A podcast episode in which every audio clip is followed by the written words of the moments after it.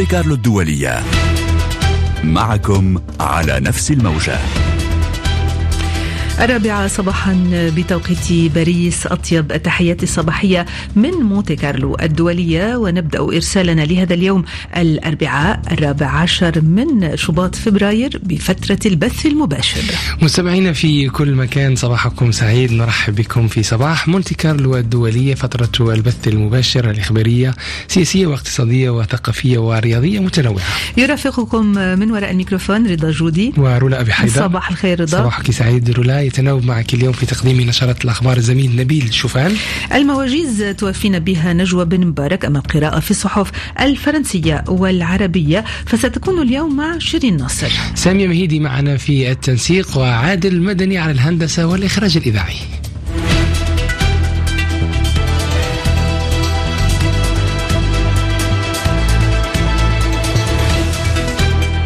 نشرة إخبارية أولى في صباح مونتي كارلو الدولية مع كيرولا. ونستهلها بالعناوين.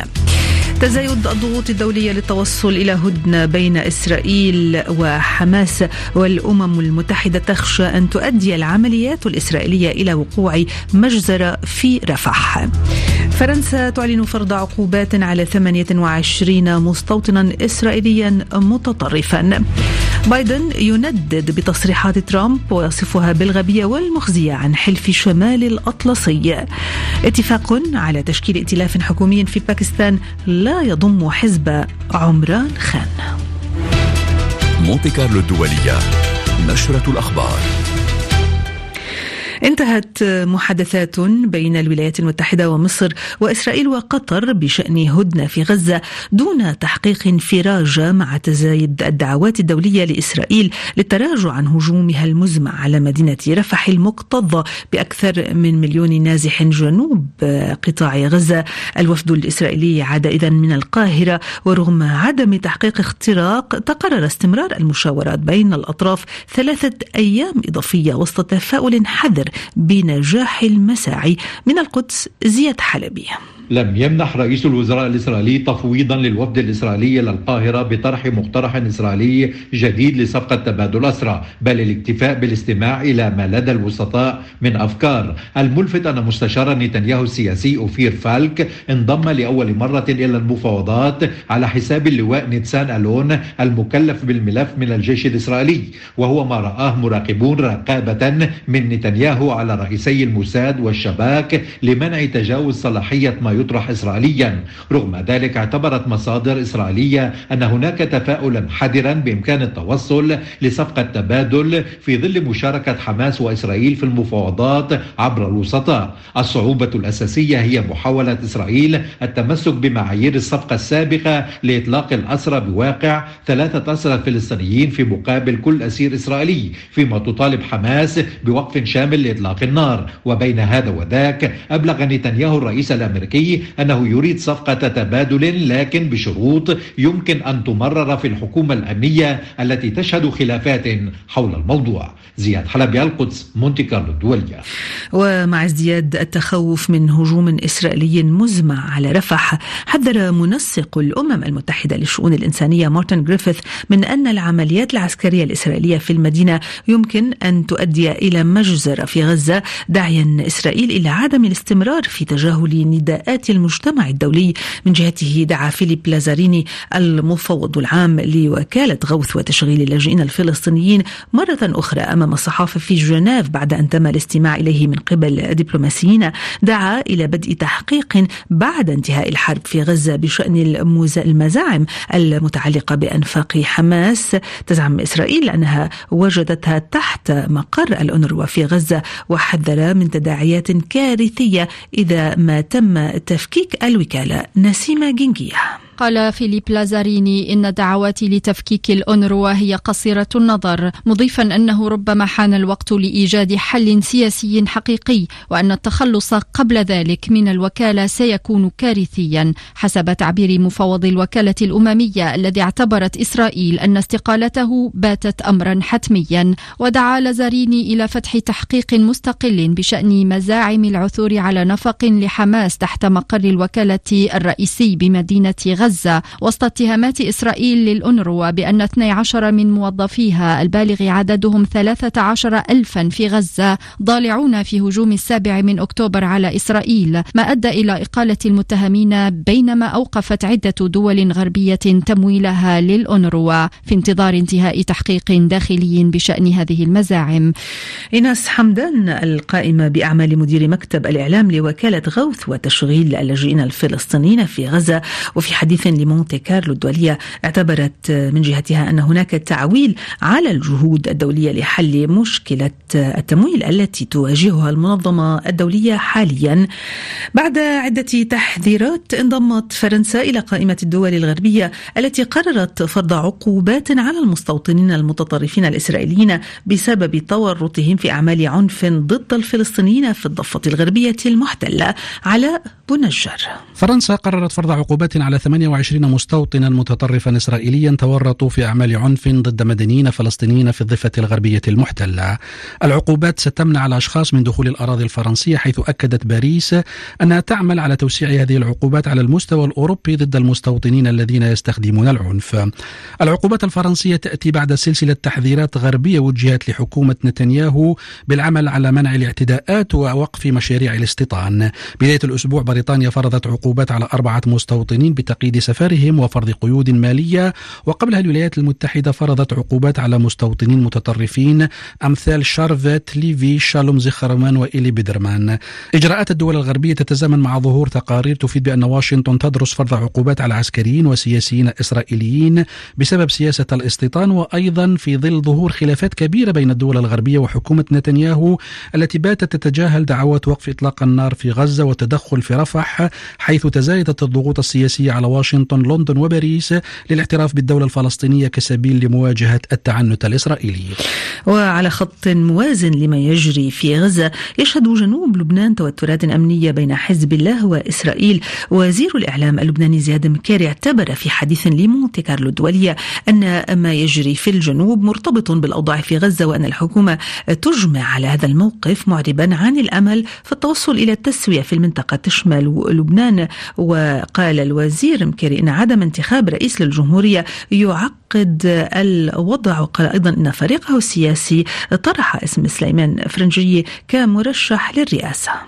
نحن فريق فريق سياسي لبناني موجودين موجودين من زمان عندنا مواقفنا واضحة. أكيد في مرشح لنا هو الوزير السابق سليمان فرنجية نحن بنقول إذا في معركة رئاسية أكيد نحن متمسكين فيه. بس هو بلسانه بيقول إنه إذا تم الاتفاق على أي مرشح آخر يعني هو بيلبي طموحاتنا يعني السياسية والوطنية نحن ما في مانع أبدا إنه إنه نمشي فيه. إنما بالوقت الحالي ما في مرشح حتى مرشح آخر للفريق الخصم. فمن هون بنقول إنه هو إسلامي فرنجي مرشح وهو موجود وهو واضح بمواقفه وواضح بأدائه وتاريخه يعني واضح وأبيض مثل الثلج بالنسبة لكثير من اللبنانيين. أنا أنا اللي بقوله إنه نحن بندعي التيار الوطني الحر إنه يعني يتحلى بالحكمة أكثر بهذا الخيار لأنه بالنهاية ما في يقول أنا ما بدي مثلا سليمان فرنجي وما عنده طرح آخر يعني. إنه هذا هون بتصير أنت عم بتفوت بعملية تعطيل أنت فيك تعطل بيكون عندك أداة تعطيل بإيدك بتعطل بس ما بتعطي حلول معناتها أنت عم تأذي البلد كمان. وزير الإعلام اللبناني زياد مكري والمقابلة كاملة تستمعون إليها عند السابعة والدقيقه الثامنة والأربعون بتوقيت باريس. الأمين العام لحزب الله حسن نصر الله اعتبر من جهته أن الزيارات التي يجريها مسؤولون غربيون إلى بيروت في محاولة للجم التصعيد عند الحدود الجنوبية تهدف إلى ضمان أمن إسرائيل منتقدا بشكل ضمني اقتراحا نقله وزير الخارجية الفرنسي من دون أن يسميه أنتم دائما في الاستماع إلى نشرة الرابعة صباحا من مونتي كارلو الدولية. دان الرئيس الأمريكي جو بايدن ما وصفها بالتصريحات الغبية والمخزية التي أدلى بها سلفه دونالد ترامب حين قال إنه سيشجع روسيا على مهاجمة أعضاء من حلف شمال الأطلسي إذا لم يفوا بالتزاماتهم المالية. بايدن اتهم سلفه بالرضوخ للرئيس الروسي فلاديمير بوتين ورغم ظهور بوادر خلاف جديد الجديد بين أوروبا وترامب حول ملف الناتو إلا أن ذلك لن يكون له بالضرورة تداعيات على حلف الأطلسي بسبب قدرة القادة الأوروبيين على التعامل مع ترامب في حال وصوله للرئاسة وفق ما يشرح لمونتي كارلو الدولية اللواء سيد غنيم الأستاذ الزائر في الناتو والأكاديمية العسكرية في بروكسل. ترامب اتفهم الأوروبيين بالشكل الجيد كيفية احتوائه وكيفيه التعامل معه في الصد والرد يعني. لماذا أوروبا تحتاج دائما الولايات المتحدة؟ هناك فرق بين الصناعات الدفاعية وصناعات الحرب. يعني يختلف في موضوع الزمن وموضوع الحالة في حد ذاتها وموضوع القدرة. ولذلك نجد أن أوروبا لا تستطيع أن تلاحق في صناعات الحرب والحرب دائرة على حدودها الاستراتيجية. يعني مع أوكرانيا دعيني أقول ذلك. فاذا الاحتياج لأمريكا ما زال ولا ننسى تفهم فرنسا لفكره أننا جزء من الناتو ولا نقول أن القوى الأوروبية بعيدة عن الناتو نعم. وإلى آخره. والناتو هنا يعني الولايات المتحدة الأمريكية التي تنفق عليه بأكبر ميزانية ممكنة. فأنا أتوقع مع الظروف الحالية ومع ما هو مستقبلي من صراعات متوقع واستمرار الحرب الأوكرانية لفترة أطول لو كان ترامب موجود سيقبل على حاله ولن يكون هناك ولكن سيكون أكثر مهنية وتكتيكية في التعامل مع ترامب على ما اللواء سيد غنيم الأستاذ الزائر في الناتو والأكاديمية العسكرية في بروكسل. هذا وأدرج الكرملين ستة مسؤولين من أربع من دول البلطيق على قائمة المطلوبين لتورطهم في أعمال معادية فيما يعتبر مؤشرا جديدا على تدهور العلاقات بين موسكو والجمهوريات السوفيتية السابقة منذ الغزو الروسي لأوكرانيا. نجوى أبو الحسن. رؤيتهم المعاكسة للتاريخ جعلت منها موسكو مبررا لملاحقة موافقة مسؤولي دول البلطيق الأربعة. المتحدث باسم الكرملين ديمتري بيسكوف قال إنهم مسؤولون عن قرارات وأعمال عدائية ضد الذاكرة التاريخية وضد روسيا. يجب الرد على الجرائم المرتكبة ضد الذين حرروا العالم من النازية والفاشية علقت بدورها الناطقة باسم الخارجية الروسية في إشارة إلى إزالة عدد من دول البلطيق النصب الموروثة عن الاتحاد السوفيتي بعد الانتصار على ألمانيا النازية. العلاقات بين هذه الدول وروسيا تدهورت بشكل أكبر منذ غزو أوكرانيا وقد اتهمت موسكو منذ أيام إستونيا ولاتفيا وليتوانيا بتخريب الانتخابات الرئاسية الروسية التي ستجري الشهر المقبل.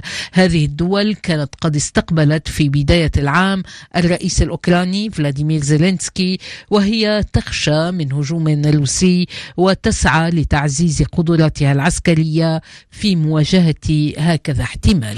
المكتب الإستوني للاستخبارات الخارجية حذر من عدوان محتمل تشنه روسيا على جيرانها. يمكن أن يتسبب بنزاع مع الغرب خلال العقد المقبل.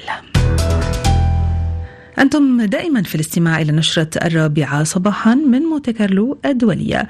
في باكستان تم التوصل إلى اتفاق لتشكيل ائتلاف حكومي يستبعد أنصار رئيس الوزراء السابق المسجون عمران خان رغم أنهم تصدروا نتائج الانتخابات التشريعية. نجوى بن مبارك. بعد مفاوضات محمومة تلت الانتخابات الأخيرة التي جاءت نتائجها غير حاسمة بين الأحزاب المتنافسة أعلنت كل من الرابطة الإسلامية الباكستانية بزعامة نواز شريف وحزب الشعب الباكستاني بزعامة العامة بلاوال زرداري أنهما سيشكلان الحكومة المقبلة مع أحزاب صغيرة ستمثل ثلثي المجلس الذي تم انتخابه. ورغم استبعاد أنصار رئيس الوزراء السابق المسجون عمران خان من هذا الائتلاف إلا أن رئيس حزب الرابطة الإسلامية الباكستانية شهباز شريف أعرب عن استعداده لخوض محادثات مع حركة الإنصاف للانضمام إلى الحكومة إذا تمكنت من إثبات غالبيتها في البرلمان. في حين استبعد خان في وقت سابق التعاون التعاون مع هذين الحزبين متعهدا من سجنه بالطعن في نتائج الانتخابات أمام المحكمة العليا في باكستان ثم المرور إلى تشكيل حكومة مع أحزاب أخرى. وفاز المستقلون الموالون لخان بنحو 90 مقعدا من أصل 266 في البرلمان.